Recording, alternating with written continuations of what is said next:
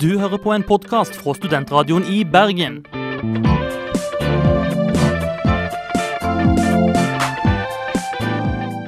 Denne og mange andre flotte podkaster finner du på podkast.srib.no.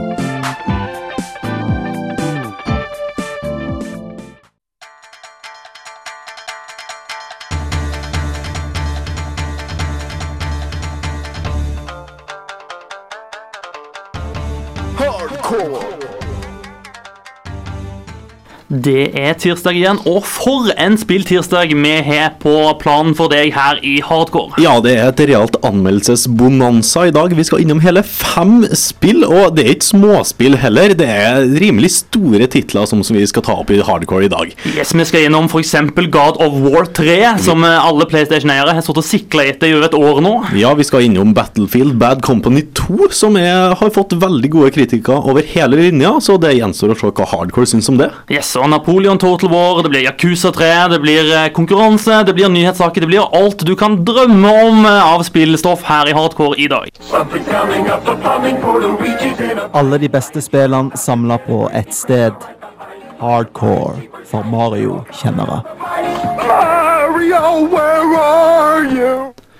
Ja, Vi kan bare begynne med å si hvem som sitter i studio i dag, for å være litt uh, høflig òg. Det er meg, Johan Dahl. Og det er meg, Marius Kjørmo. Og når det er på plass, da er det på tide å få på plass noen ting vi pleier å nevne her i Hardcore, nemlig konkurransen vår. Ja, for vi er ikke bare høflige, vi er også jævla snille. Vi har konkurranse hver uke her i Hardcore, og denne uka så er det en fortsettelse av forrige ukes konkurranse, der du kan vinne Sega and Sonic Super All Stars Racers. Det er et racingspill som kom på PS3 og Xbox 360. Vi har Xbox 360-versjon å gi ut. Og hva må du gjøre for å vinne konkurransen denne uka? Du må som vanlig sende en e-post eh, til oss med forslag på eh, dagens spørsmål, eller ukas spørsmål, og ukas spørsmål er Ja, hvordan spill vil du se Sonic i som han ville ha gjort det bra? Eh, Sonic-spillene de siste ja, 20 årene har vel stort sett vært drit, for å sitere Jon Iversen fra forrige ukes sending. Eh, hva må Sonic gjøre for at det skal bli bra, er vårt spørsmål. Jeg ser veldig for meg et politisk strategispill der Sonic går ned og får orden på eh, krisen i Midtøsten. Eh, det hadde jeg, da hadde jeg satt pris på Sonic hvis han klarte å få til det. Ja, jeg ser for meg eh, Sonic i en type strategispill, jeg òg. Det hadde vært veldig gøy. Eh, også en sånn first person shooter med Sonic hadde vært veldig gøy. Eller også bare et japansk litt kleint spill der han havner på en all girl school og kommer opp i eh, masse trøbbel der, som de jo ofte gjør der i Japan. Ja, Det er da vår skitne fantasi som kommer til syne i det her, her delen av programmet. Har du et forslag, send det til oss på hardcore at srib.no. Merk emnefeltet med konkurranse, og oppgi kontaktinformasjon, så vi kan ta kontakt med deg hvis du er så heldig at du vinner spillet. Oh, I can't believe you did that! It, it was still alive! Oh, oh, I think I'm gonna be sick. Th- That one was still fluttering as you swallowed it. Oh. There goes another one. Extra crunchy. Oh, you don't have any scruples, do you? Bare de hardeste av de harde hører hardcore på studentradioen i Bergen. That, that is the vilest thing I've ever seen. And this, coming from someone who never misses Torture Tuesdays.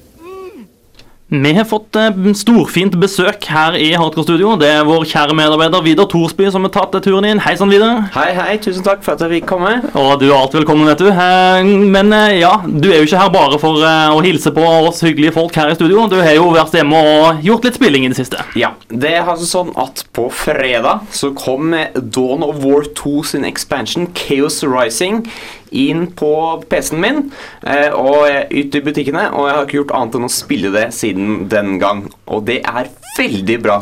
Så Det er derfor vi ikke har sett deg så mye i det siste, altså. Ja, jeg tror det. Eh, jeg vet ikke om dere kjenner til Dawn of War noe særlig? Nei, du må gjerne fylle inn meg, i hvert fall. Jeg, jeg, føler jeg er på et litt, annet nerdenivå enn deg når det gjelder uh, Dawn of War. Ja, ok, Dawn of War 1 var kjempebra, eh, og når toeren kom, så var det bare helt utrolig revolusjonerende. Mest fordi at kampanjen var så knakende god. Du styrer en haug av folk av, som kaller seg Space Marines, som er det siste som skal forsvare menneskeheten fra alt mulig ekle greier. Og det gjør det jo selvfølgelig i eneren, og alt er bra. I toeren så kommer da Space Marines eh, Altså det har gått et år siden sist gang, og den planeten eh, som dere pleide å bo på i solsystemet Aurelia, har kommet tilbake ut av en annen dimensjon, ut av en warp storm. Og på denne planeten så er det et signal som blir sendt, og det er ikke noe mystisk, men det som er merkelig er at det har deres koder, kodene til Bloodraven Space Marines, og du skal selvfølgelig reise ned inn i en sikker felle og finne ut hva som skjer. Og så kommer da expansion packen, som eh, da er ny. Og hvor er denne legger til spillet, da? Ja, altså det var jo det du gjorde da eh, Det du gjør i den expansion packen når den planeten kommer ut. Eh, og du reiser da ned på denne planeten, eh, hvor det viste seg at det fins skurker som du trodde du drepte i eneren. Og Chaos Space Marines har kommet, og de vil ta deg, og de vil ta hevn over alt og alle, og det er griskult! Men hvordan type spill er det her? Er det her et strategispill, eller er det et uh, førstepersons skytespill? Er det et rollespill? Altså, det er jo et uh, strategispill, men det tar veldig mange elementer fra RPG-sjangeren. Og når du spiller kampanjen, så føles det mer som du spiller et, eh, et rollespill du et veldig actionbasert rollespill enn at du spiller liksom et strategispill. Men det finnes jo tre måter å spille dette spillet på. Det ene er i kampanjen, som er da eh, altså dette rollespillet, strategispillet, som er veldig, veldig bra. Og de har fjerna alle sånne puter du hadde under armene før. Og du nervepirrende, for ikke bare holder karakteren dine på å dø, men de holder også på å bli onde. Så du må slåss liksom for hver millimeter for sjela deres, og det er knallbra. Du kan også spille det i multiplayer, som er da en helt vanlig strategi, måte å spille strategispill på, som er ganske kjedelig. Det er bra, men du har sett det før. Og Da kan du nå også spille da Chaos Marines. Og det siste er at du kan spille Last Stand. For de spurte alle spillerne online hva de har lyst til liksom da, å spille mest mulig. Og da sa de jo, en survival mot masse waves. Så Last Stand er da en stor arena hvor du dere er da tre helter, tre folk som spiller online, og dere skal overleve 20 waves. Og jeg har aldri klart det, og det er grisegøy. Og nå får du da lov til å spille Hive Tyrant, som eh, er en sjef fra eneren som ikke var tilgjengelig før. Du kan nå spille en Chaos Sorcerer som bare bomberer, bombarderer motstanderne med masse magi. Men er dette her et skikkelig hardcore strategispill? Er dette noe som noobs kan eh, seg ut på hvis du ikke er godt trent i, eh, i strategiverdenen? Eh, det er altså sånn at det å spille online så er det et sånt ladder-system, så veldig fort vil du begynne å spille med alle de andre noobsa, så det er ikke et problem. Og når det kommer til selve kampanjen, så kan du sette Det er fire forskjellige vanskelighetsgrader å sette det på. Og jeg prater med en venn av meg som er skikkelig noob. Jeg har ikke sagt det til han, da, og han har runda denne kampanjen. Eh, og han gjorde det på normal, og han syntes det var grisekult, selv om han ikke hadde noen problemer hele veien. da. Så det er egentlig bare for å spille storyen. Du trenger ikke å være god strategispill, det er bare fett. Alright, Men eh, kan du komme med en slags konklusjon på denne utgivelsespakken? da? Er det noe som er verdt å bruke pengene på? Ja, vet du hva? Den kosta 300 kroner når jeg kjøpte den, og det er de best brukte 300 kronene jeg har brukt i hele år, og på ganske lenge. Og det anbefales på det varmeste. Tydeligvis en veldig sterk anbefaling fra Vidar. der. Takk for at du kom i studio. Og eh, Vi skal litt videre i sendinga, for du Johan, du har vært ute med opptaksutstyr og vært ute på hemmelig oppdrag. Eller kanskje ikke så hemmelig. Nei, det, jeg vet ikke om Landmark er det hemmelige stedet i Bergen å møtes på, men eh, jeg tok i hvert fall turen dit på lørdag. Ja, og da traff du på Spillpikene, som var ute på eh, veldedig oppdrag. Ja, det har vært en spillinnsamlingsaksjon eh, for eh, ungdomsrommet på Haukeland sykehus. Og jeg tok turen ned dit først og fremst for å finne ut hvem de, de her spillpikene var for noen, men også hvorfor de har satt i gang denne aksjonen. Da foreslår jeg vi hører på Johan Dalens møte med Spillpikene. Spill og veldedighet er kanskje ikke det som går mest naturlig hånd i hånd. Men de siste ukene har en liten gjeng som kaller seg Spillpikene, samla inn spill til ungdomsrommet på kreftavdelinga ved Haukeland sykehus. Jeg lurte på hvem de her spillpikene var, og tok meg en tur ned på Landmark lørdag, der de satt og tok imot spill. Spillpikene driver en blogg som har vært opp i rundt et år, og jeg var nysgjerrig på hva bloggen handla om, og tok meg en prat med Linn og Marianne fra Spillpikene. Bare rett og slett eh, en gruppe med fire, ja, fire jenter som forsket på dataspill, og samtidig likte å spille litt. Grann. Så begynte vi å samles og spise lunsj sammen og snakke om dataspill. Så, det handler jo om å diskutere spill, sant? og blogg er jo egentlig sånn at det har å diskutere og jeg vet ikke, invitere til diskusjoner angående tankene våre altså, angående spill og spillkultur, ikke minst, og sånt. Jeg føler jeg blogger litt, altså, i det. blogger litt med spill og følelser, kanskje. Men jeg tenker intensjonen med bloggen var jo litt at det ikke skulle være nok altså spilljournalistikk på nett ellers er veldig preget av nyheter og teknologi og liksom eh, lansering og sånn. Eh, mens vi ville vel snakke, snakke litt om kulturen rundt og ikke være så opptatt av datering. på en måte, At det skal være litt sånn tidløs blogg. da. Så sånn, ja, spillglede, spillmotivasjon, altså alt det er jo tidløse temaer. Spillpikene tok initiativet til aksjonen Spillglede for ungdom, der folk kan donere bort sine spill til ungdomsavdelinga på Haukeland sykehus. Men hvorfor tok de initiativ til det her? Det var bare Altså, jeg har jo lest eh, De har jo hatt sånne aksjoner hele tiden i statene, og der de har hatt ulike innsamlinger, spesielt med tanke med på at eh, dataspill kan være en slags form for medisin i seg selv når du holder på å eh, bli frisk. Ja. Um, og så ja, så så jeg på Twitter da, at eh, Haukeland hadde bygget dette her ungdomsrommet på kreftavdelingen. Syntes jeg var så fint. Og så tenkte jeg å ja, spillpikene kan jo organisere dette her og ha en innsamling, sånn at de har noe å velge mellom og få litt underholdning. Og så ble jeg forferdelig sjarmert over at de kalte ungdom helt opp til 35-årsgrensen. Det syns jeg var veldig bra. Så det er veldig godt tilbud. Ja, jeg tenkte vi kunne bidra i og med at vi er blitt liksom en etablert eh, organisasjon. For. Er vi en organisasjon, eller? Men Har dere fått inn eh, mye spill? Har det vært noe stor oppslutning rundt det? Ikke så mye fra privatpersoner. Nei, veldig, men Vi har jo fått veldig mye fra Altså, vi har jo fått det fra Er det du som har mest oversikt? over vi har fått en Wii-spiller. Eller ja, Maskin. en Wii-maskin Ja. fra Nintendo. Eh, Ja, jeg husker ikke hva det heter. Og så nå er spill fra Electronic Arts. De har også kommet med noen spill. Og så ja, Outland har jo sponset med to kjempegøye brettspill. At bidragene fra spillpikene og andre folk var kjærkommen, var ikke Lilly Vinje fra Haukeland sykehus et sekund i tvil om. Det er helt unikt, og jeg var så glad når jeg hørte om det. Jeg ble kontakta via pasientbiblioteket på Haukeland, for det var de de hadde kontakt med først. Og da hengte jeg på og tillot meg å sende en e-post til Spillpikene etter jeg hadde lest om dem. Og det er veldig fint at vi får spill og sånn, for da hadde vi så å si ingenting av før. Det er sikkert mange som har spill liggende som ikke blir brukt, og som bare samler støv. Følg spillpikenes eksempel, og doner bort dine gode spillminner, du òg.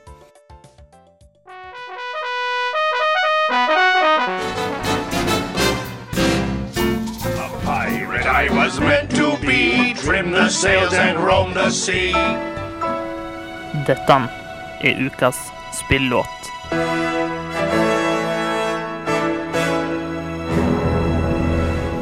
Det er dags for ukas spillåt, og da har vi tatt turen til eh, østlige trakter, Johan. Ja, nå skal vi faktisk eh, innom noe så sjeldent i hardcore som tøysetrans på eh, japansk. For du har kost deg med Yakuza 3 den siste tida, og har funnet ei låt fra det spillet som vi, vi gjerne vil spille for deg, kjære lytter. Absolutt. Yakuza 3 skal du høre mer om senere i sendinga, men her får du altså første smakebiten. Det er da låta 'Someday I Can Change Myself'.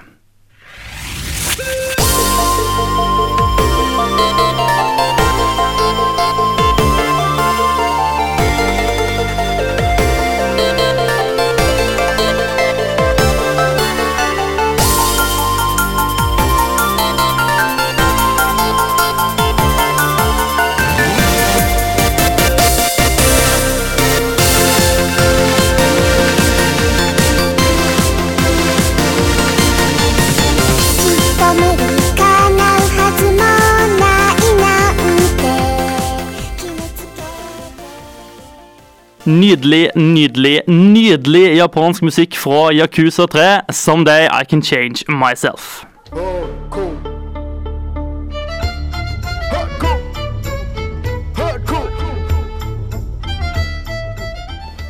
Kjære Marius eh, Kjørmo, jeg hører rykter om at du er rimelig stormannsgal og eh, veldig glad i strategispill der du får spille ja, herre over kontinenter og hersker over store riker. Og det har du jaggu sneket deg til den siste tida og med Napoleon Total War. Je suis Napoleon, vet du. Ja, eh, Napoleon. Jeg er jo veldig glad i historie i utgangspunktet. da, så Når, eh, når strategispill faktisk er satt til en eh, nokså reell historisk setting, så blir jeg ofte ganske glad. Og Napoleon Total War er intet unntak. Et spill som jeg gleder meg til. Um, Dette er jo oppfølger da, eh, på et vis fra Empire Total War. Total War-serien har jo gått lenge. Starta med Shogun, eh, altså fra gamle Japan. Eh, gikk så videre og hadde middelalderen og hadde romertiden, og gjorde begge de to om igjen. For det så å komme opp til Empire, som nå dekker litt mer moderne tid. Og nå altså Napoleon Total War.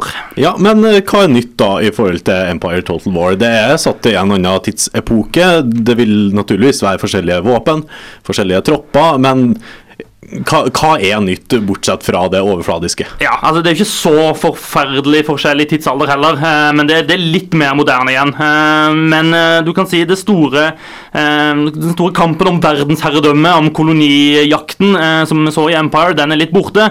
Nå handler det primært om Napoleon, og enten hvordan du kan styre han til å skape et enormt stort fransk imperie, eller eventuelt hvordan du kan, i kraft av en av de andre nasjonene, stoppe han i å gjøre akkurat det. Ja, og hvordan fungerer det? Jeg regner med at du har prøvd begge, begge funksjonene. Både vært på Napoleons side og vært motstander? Ja, eh, det er delt opp på litt forskjellig vis. Eh, Hvis du ønsker å styre som Napoleon, så har du flere kampanjekapitler, kan man kanskje kalle det.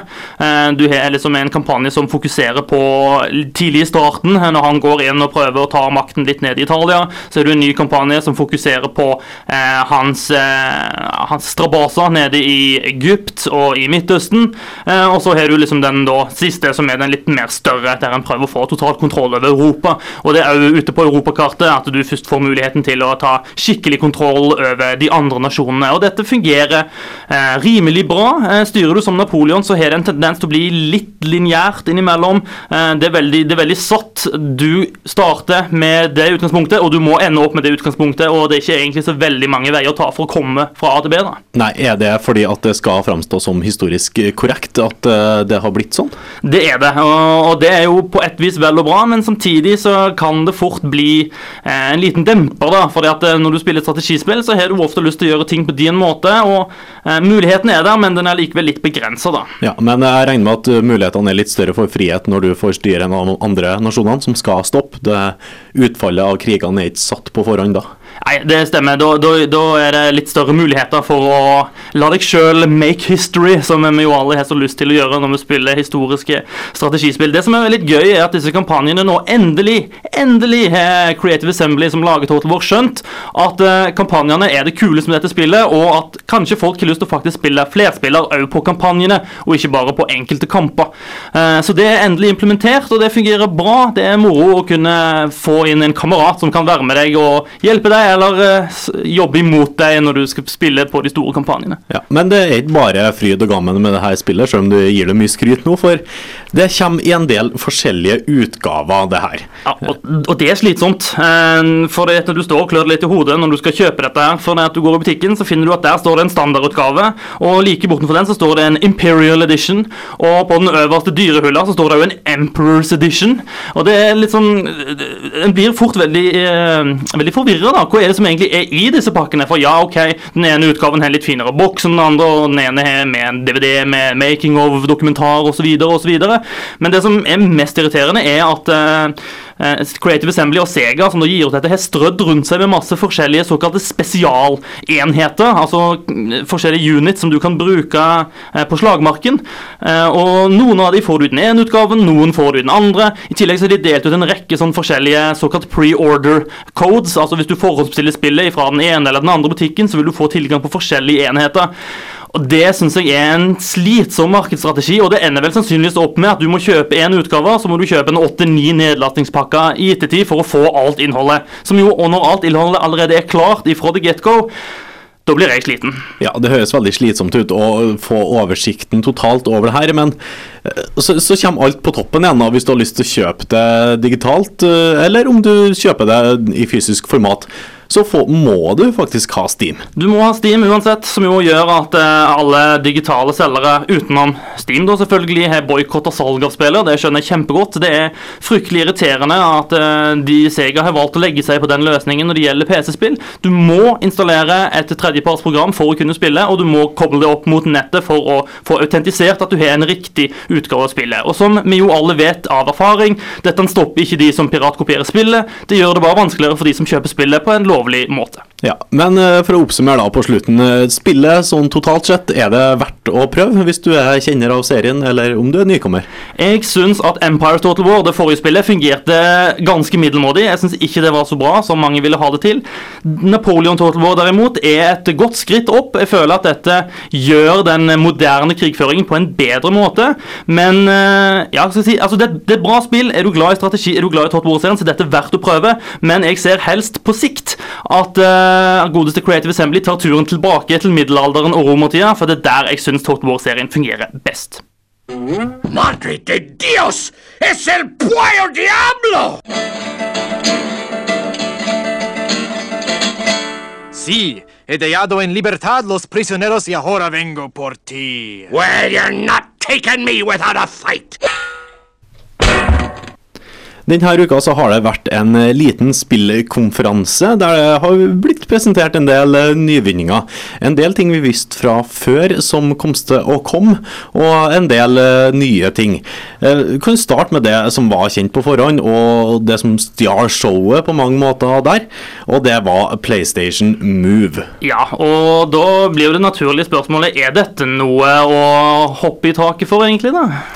Nei, jeg ser på det her som en gimmick for å stjele kunder fra Nintendo Wii. Ja, ta en kort, ta en kort kjapp en. Hva hva er PlayStation Move? Det er bevegelsesfølsomme kontroller. Punktum. Ja, Så det samme som Nintendo har hatt ganske lenge, altså, bare med en lysende bulb på toppen? Ja, uh, basically. Uh, det skal vel også, ifølge ryktene, være vanvittig mye mer presist enn uh, Nintendo Wii sine kontroller. Det jeg har sett av videoer, overbeviser ikke meg. Det her tror jeg tror ikke det er veien å gå da, for å skape sitt eget uh, unike produkt for uh, Sony. Men jeg skjønner det jo, uh, for Nintendo Wii har jo hatt ekstrem suksess med å, å få tak i casual gamere. da, som bare plukker opp og vifter med kontrollen og synes det er gøy. Og jeg skjønner jo at det er et marked de har lyst til å stjele mange kunder fra. for de som kjøper seg Wii, kjøper jo ikke så mange spill til konsollen sin, og det er vel der Sony ser sitt snitt da, til å, til å kaste seg på en mer familievennlig bølge. Ja, og, der er du inne på noe veldig vesentlig. Der ble jo sluppet en liste med de spillene som, eh, kom, kom, som kommer til å støtte PlayStation Move da nå i utgangspunktet. og eh, Du har skytespillet SOCOM, som jo er et ganske respektabelt spill i så måte, men utenom det så er de aller, aller fleste andre spillene nokså såkalte casual games. da. Ja, det er jo en del sånn små tøysespill, litt sånn boksing, litt sånn små sportsspill. Eh, jeg har lest òg et rykte om at eh, Tiger Woods 2011 kommer til å ha støtte for PlayStation Move. Nå er det jo litt eh, andre spørsmålstegn rundt det merkenavnet, hva som kommer til å skje, men uansett så tror jeg EA kommer til å kaste seg på den, for de kasta seg jo på Nintendo Wii-bølgen fort med bevegelsesfølsomme kontroller i spillene sine der. Og jeg tror de er tjent godt med penger på sin EA Sports Resort eh, Nei, EA Sports et eller annet, i hvert fall. Eh, solgt veldig, veldig bra, så jeg tror nok de kommer til å kaste på det. òg, som de nok òg kommer til å gjøre med Project Natal når Microsoft lanserer sin bevegelsesstyrer senere i år. Ja, det, det er jo den bølgen det går mot nå, da, at man skal styre flere og flere av spillene med kroppen sin. Eh, jeg er ikke nødvendigvis en stor fan av det, merker jeg. det jeg vil gjerne sitte tilbakelent i sofaen og spille et spill jeg trenger ikke å stå og veive med armene på gulvet. Og jeg håper at uh, Sony faktisk At de har vettet til å la spilleren få velge sjøl om en vil utnytte de tøysete viftepinnene eller ikke. Nå høres jeg dypt negativ ut, men jeg, jeg, jeg syns det blir for dumt da å og bare kopiere et produkt som Nintendo har hatt stor suksess med, bare for å prøve å tjene like mye penger. Vi får se, vi får se, men det er vel tross alt eh, sjefene i Sony sin jobb å tjene penger for selskapet sitt, så de, det er klart de vil gjøre det de kan for å oppnå det. Men var det noe annet da fra GDC enn bare akkurat dette PlayStation Move? Ja, det var jo en litt eh, morsom en for oss nordmenn, for det utvikles eh, et MMO-spill basert på Battlestar Galactica. Og det er det nordmenn som står bak. Og det, det kommer ikke så mye spill fra Norge. Nei, og jeg må si, Dette er litt spennende. Jeg, jeg må si jeg har begrensa kjennskap til dette norske firmaet som heter Artplant, men så vidt jeg har skjønt, de har da utvikla tidligere spill som Kaptein Sabeltann og Riding Club Championship. Og Da virker det jo som om overgangen til et Battlestar Galactica MMO er ganske stor.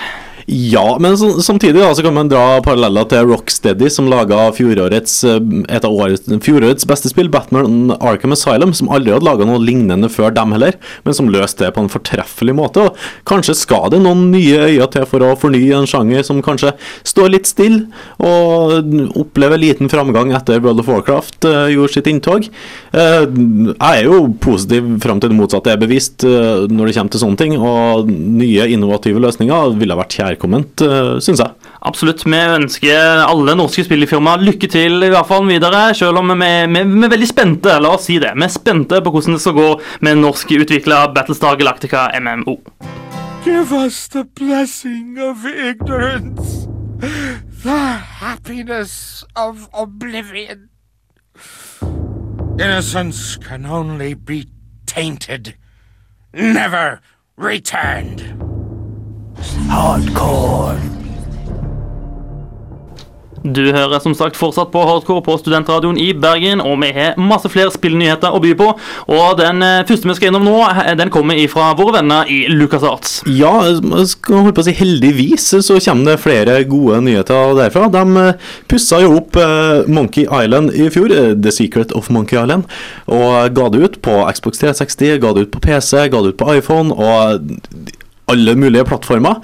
Og nå har det blitt bekrefta at også Monkey Island 2 skal pusses opp og gis ut på nytt. Yes, LeChucks Revenge skal få akkurat den samme overhalinga som eh, sin eh, forfar. Eh, det blir nye tegninger i HD, og det blir gitt ut til gud bedre de fleste konsoller du kan tenke på, egentlig. Ja, og i tillegg så blir det stemmeskuespill, sikkert med de samme folkene som var med i Secret of Monkey Island. Og det blir kjempegøy, merker jeg. Jeg hadde ikke noe nostalgisk forhold til det før, siden vi ikke hadde noe PC i oppveksten hjemme. Så jeg prøvde prøvd Secret of Monkey Island for første gang i fjor.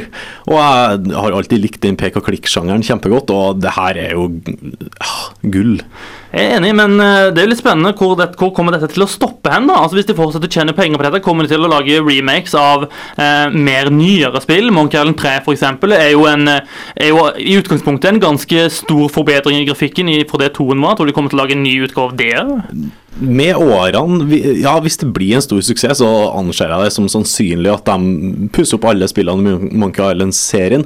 Men de har jo også flere andre spill, f.eks. Indiana Jones and The Fate of Atlantis, som eh, hadde hatt godt av en oppussing og blitt gitt ut på nytt, det hadde jeg satt kjempestor pris på som Indiana Jones-fan, i hvert fall. Absolutt, og ikke minst det gamle Sam Max-spillet, som jo òg var skikkelig deilig for de som liker den typen litt sånn sær crazy humor. Men eh, disse spillene kommer du sannsynligvis til å få laste ned på en konsoll nær deg eh, om en god stund, men eh, noe annet du kan laste ned eller ikke, eh, kom nettopp til eh, Bioshock 2. Ja, eh, du kan jo laste ned definitivt, men om du trenger å laste ned det det diskusjonen går på for, det er en liten utgivelse, sånn ekstrautgave til spillet som kan lastes ned for en liten pengesum.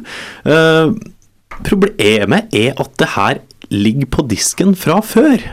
Så det er du egentlig du betaler for å få lov til å bruke noe som er på den disken du allerede har kjøpt. Ja, og det her er i forhold til flerspillerdelen på nettet at det er litt Ja, det er litt, litt, nye figurer, det er muligheten til å oppgradere litt på nivåene.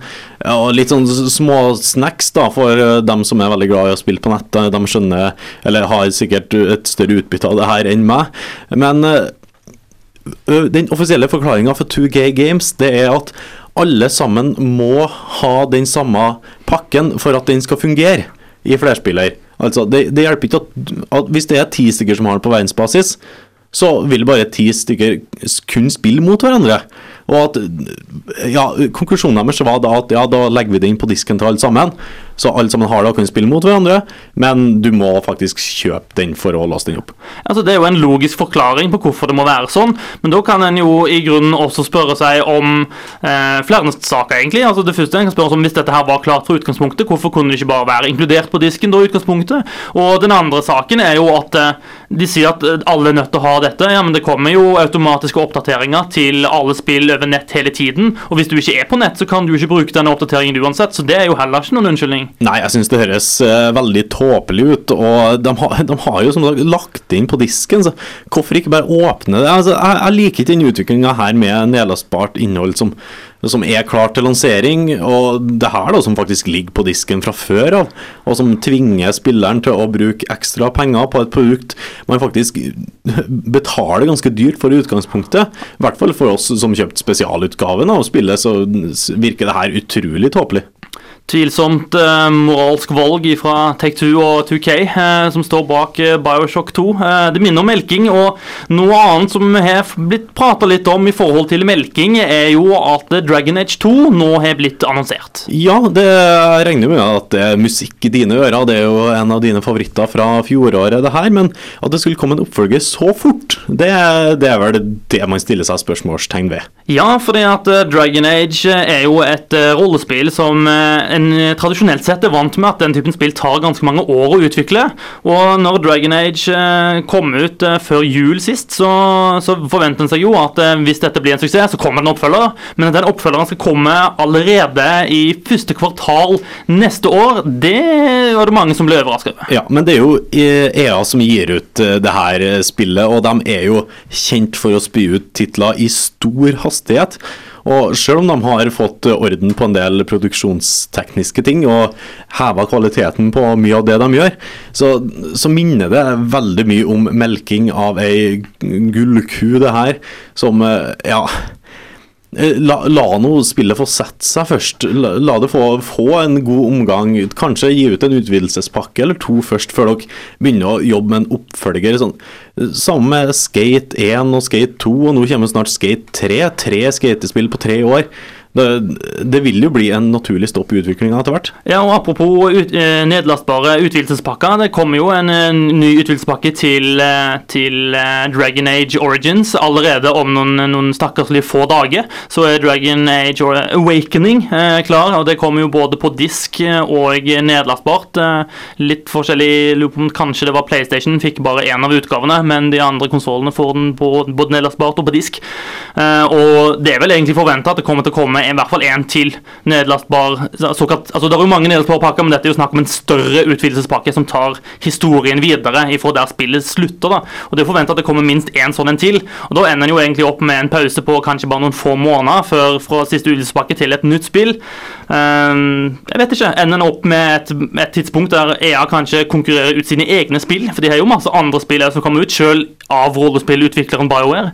Ja, det, de spyr jo ut spill i tide og utide innenfor alle avdelingene de har. og ja, Selv om kvaliteten har blitt høyere, så tror jeg de må passe seg litt for å ikke gå i den fella at de, at de konkurrerer med seg sjøl bare i å ja, bare spy ut kvalitetstitler, for folk vil til slutt slutt å kjøpe spillene hvis det kommer for mye. Det kommer utrolig masse gode spill ut om dagen. Et av spillene kommer fra våre svenske venner i Dice. Det heter Battlefield Bad Company 2, og vår medarbeider Jon Iversen han har spilt det den siste uka. For alle små gutter som vokser opp, har vi en sær fantasi om at krig er underholdende, og at alle ekte menn er soldater. I virkeligheten er krig brutalt og soldatlivet er kjedelig og monotont. Battlefield Bad Company 2 er nå ute til PC, 360 og PlayStation 3. Spillet har hovedfokus på flerspillerdelen, hvor man spiller med opptil 24 mennesker på nett. Men det er også en enspillerdel hvor man skal redde verden fra et nytt supervåpen. Enspillerdelen lykkes 100% med å fange opp soldatlivet på en realistisk måte. Kort og enkelt så er kampanjen brutal, kjedelig og monoton. Det eneste som redder kampanjen fra å være helt uutholdelig, er omgivelsene som sprenges i fillebiter rundt det. Grafikken i Bad Company 2 er skarp og utrolig pen til og med på konsollene. Jeg ble rett og slett overraska av at det her kjørte på min Xbox 360. Grunnen til at det her overraska meg, er skalaen på brettene kombinert med at alt kan ødelegges. Tror du at du har funnet dekke i en bygning, tar du kraftig feil. Det tar ikke lang tid før murveggene rundt deg flyr forbi ørene dine, og du står der i ruinene av det som var ditt lille fort. Spillet får fram total kaos og ødeleggelse på et grafisk nivå som aldri tidligere har blitt sett i noe spill. Det er rett og slett skikkelig sensory overload, og sansene dine kommer til å elske deg for dette spillet. Flerspillerdelen er hovedfokuset til spillet, og det er her spillet virkelig briljerer. Du har standard Battlefield-moduser som Conquest, hvor det handler om å kontrollere forskjellige punkter på kartet for de to forskjellige lagene, og forskjellige typer deathmatch. Men det er i spillmodusen Rush vi virkelig finner underholdninga. Her tar lagene tur på å spille forsvarsrolle og angriperrolle. Forsvarerne skal beskytte to punkter på en frontlinje, og angriperne skal prøve å ødelegge dem her eh, med bomber. Når begge punktene på fronten er tatt, flyttes fronten videre til to nye punkter. Målet til forsvarerne er å holde punktene til angriperne er tom for liv. Det er også en modern warfare-type system for belønning, som tydeligvis nå har blitt en ny standard for alle førstepersonsskytterspill. Det vil si at du får erfaringspoeng når du spiller, som åpner opp nye våpen og tilhør og granater osv. Dette systemet gjør at spillet føles hele tida nytt, da du stadig vekk får nye leketøy å skyte fienden med. Battlefield Bad Company 2 er et spill som jeg ikke kan anbefale til noen som ikke har muligheten til å spille online. Enspillerdelen har mista en del av sjarmen fra det første spillet, og føles bare som jobb. Derimot, har du tid og mulighet til å spille online, er spillet helt klart en god investering. Her får du utallige timer med underholdning. Krigens kjipe realitet forsvinner, og barndommens drøm om at krig er underholdende, og noe ekte menn driver med, blir en virkelighet. Det var Jon Iversen som hadde kost seg, i alle fall med online-delen av Battlefield Bad Company 2.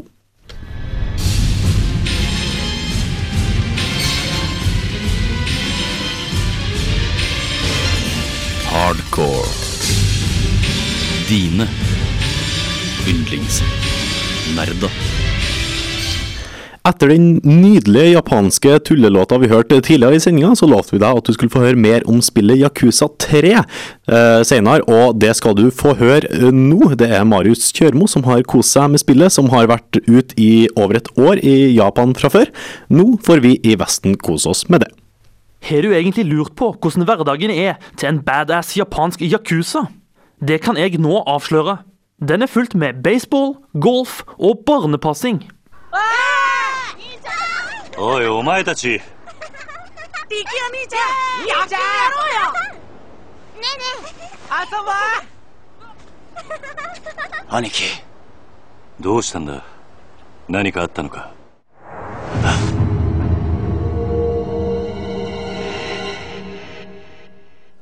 Ok, hovedpersonen i Yakuza 3, Kazuma Kiryu, er egentlig pensjonert fra den japanske mafiaen. Han driver nå et barnehjem på Okinawa og er verdens hyggeligste person. Men når ting går drit i Tokyo, da er det Kazuma som må få ro i rekkene. Du får hardbarka maktkamp mellom yakuza-bossene. Sleng inn en dose storpolitikk, et par plot-twister og en og annen ond tvillingbror, og du har en japansk såpeopera som er rett og slett deilig.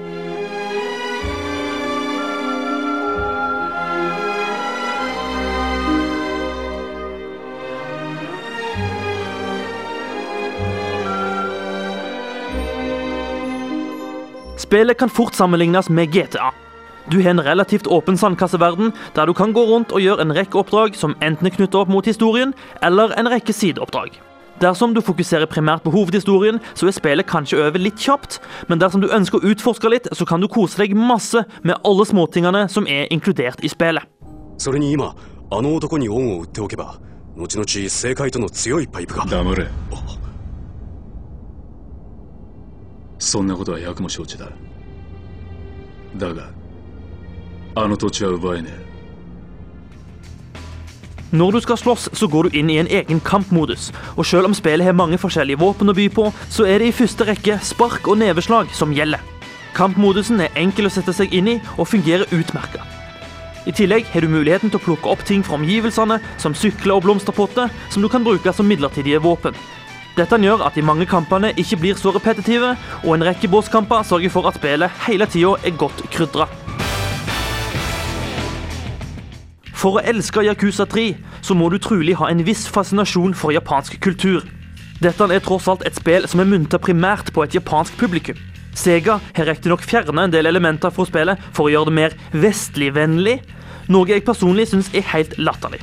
Men de har i hvert fall beholdt de originale japanske stemmeskuespillerne.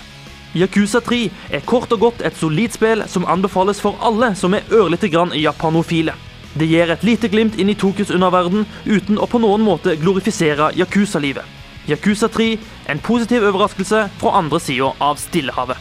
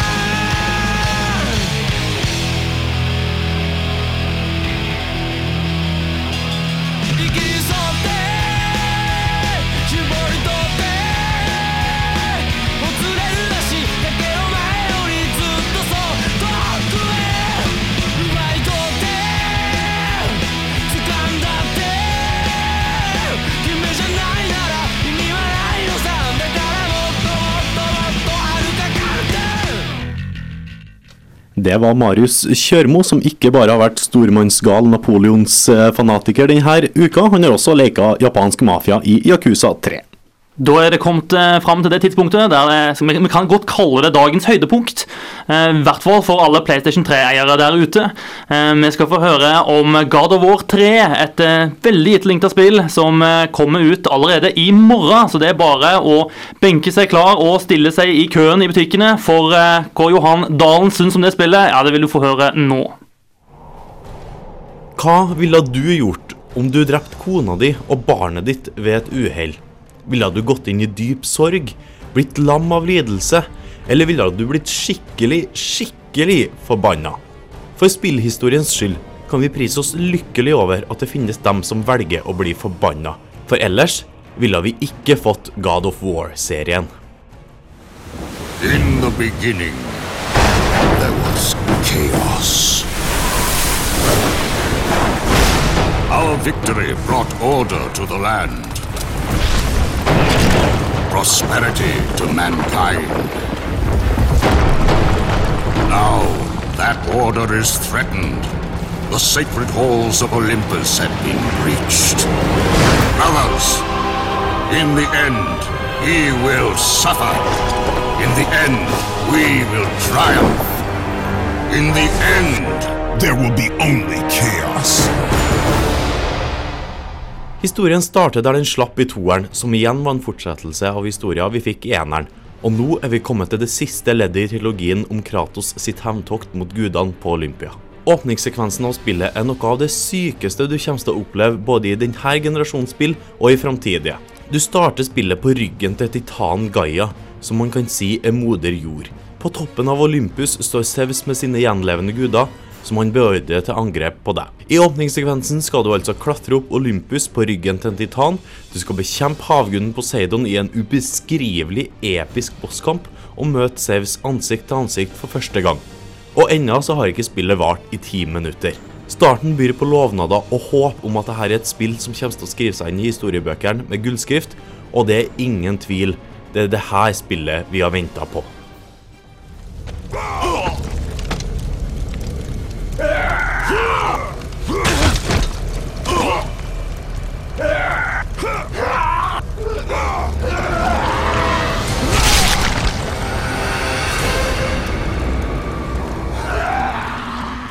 Spillmekanisk byr ikke God of War 3 på mye nytt i forhold til forgjengerne. Det handler stort sett om å slakte ned det som kommer i veien for deg, i jakten på de store monstrene, som gjør God of War til den episke opplevelsen det er. Bosskampene er bygd opp på den samme måten som før, der det er quicktime events som gjelder i de avgjørende øyeblikkene. Gjenkjennelsesverdien er derfor høy for dem som har spilt forgjengerne, men betyr det at spillet føles gammeldags? På ingen som helst måte. Santa Monica Studios har perfeksjonert et allerede fantastisk kontrollsystem, og spillet flyter på en helt unik måte.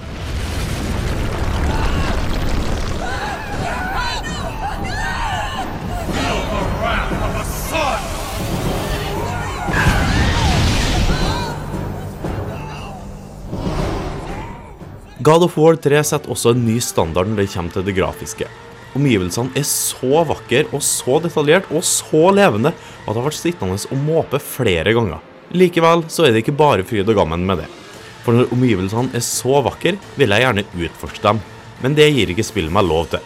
Gameplayet er nokså lineært, med klare føringer på hvor du skal gå og hva du skal gjøre. Men det er også det eneste negative jeg kan peke på, for dette spillet er rett og slett fantastisk. Det er meget mulig at det er årets spill 2010 jeg har spilt denne uka. God of War 3 er spillet som skal løfte PlayStation 3 opp på toppen av pallen i konsollkrigen.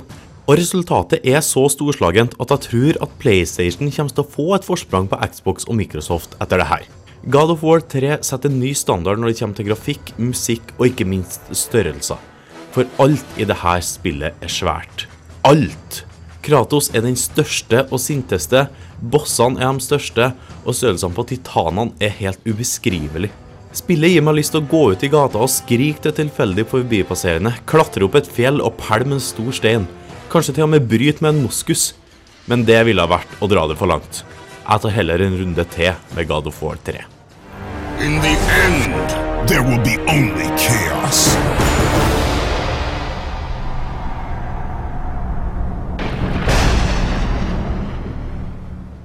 Det var Johan Dalen som hadde utfordra de gamle greske gudene til tvekamp i God of War 3. It's a, a new role playing video game that is leaving nothing to the imagination. Mass Effect is what it's called. Full uh, digital nudity.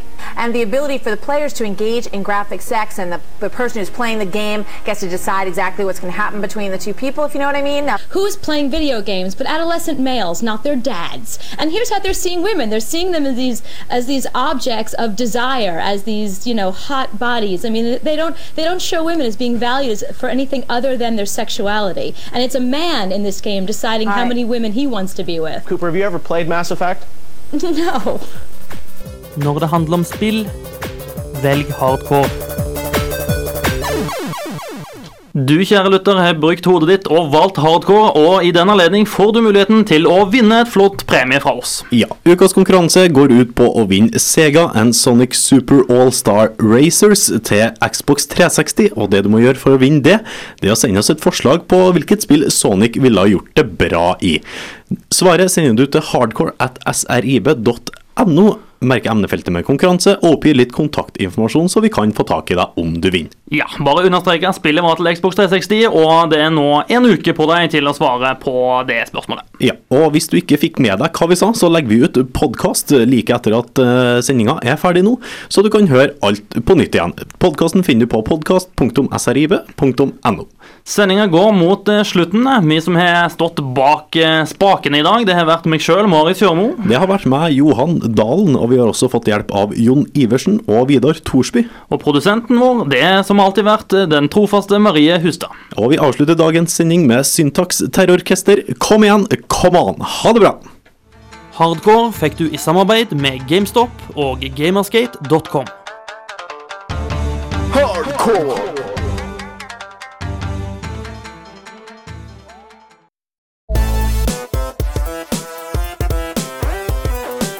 Du hører på en podkast fra Studentradioen i Bergen.